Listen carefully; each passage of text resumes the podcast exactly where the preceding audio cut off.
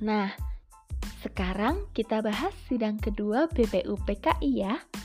Sidang kedua dilakukan pada tanggal 10 sampai dengan 16 Juli 1945 dengan pokok pembahasan yaitu perumusan Undang-Undang Dasar dengan rincian sebagai berikut. Pada 10 Juli, dibentuk panitia perancang undang-undang yang terdiri dari 10 orang dengan ketuanya Insinyur Soekarno. 11 Juli, panitia perancang undang-undang menerima dengan baik piagam Jakarta sebagai pembukaan undang-undang.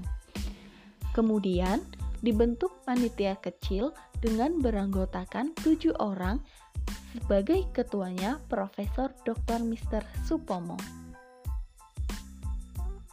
13 Juli, panitia perancang undang-undang menerima hasil kerja panitia kecil berupa rancangan undang-undang rancangan undang-undang kemudian diserahkan kepada panitia penghalus bahasa yang terdiri dari Profesor Hussein Jayadiningrat, Profesor Supomo, dan Haji Agus Salim.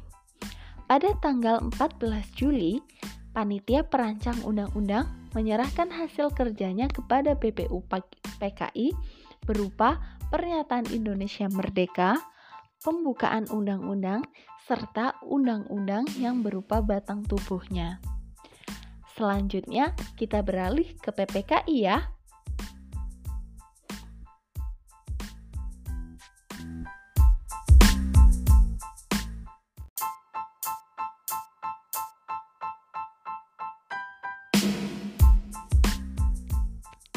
Pada tanggal 7 September 1944, dalam pidatonya, Perdana Menteri Koiso memberikan janji kemerdekaan kepada Indonesia. Janji ini diberikan dalam rangka mempertahankan pengaruh Jepang di Indonesia. Kemudian diumumkan bahwa bendera merah putih Indonesia boleh dikibarkan dan lagu kebangsaan Indonesia Raya boleh dinyanyikan. Realisasi janji Koiso ini diwujudkan dengan membentuk dua badan persiapan kemerdekaan Indonesia. Badan tersebut yaitu BPUPKI atau Dokuritsu Junbi Kosakai dan PPKI atau Dokuritsu Junbi Inkai. Nah, kita bahas BPUPKI dulu ya.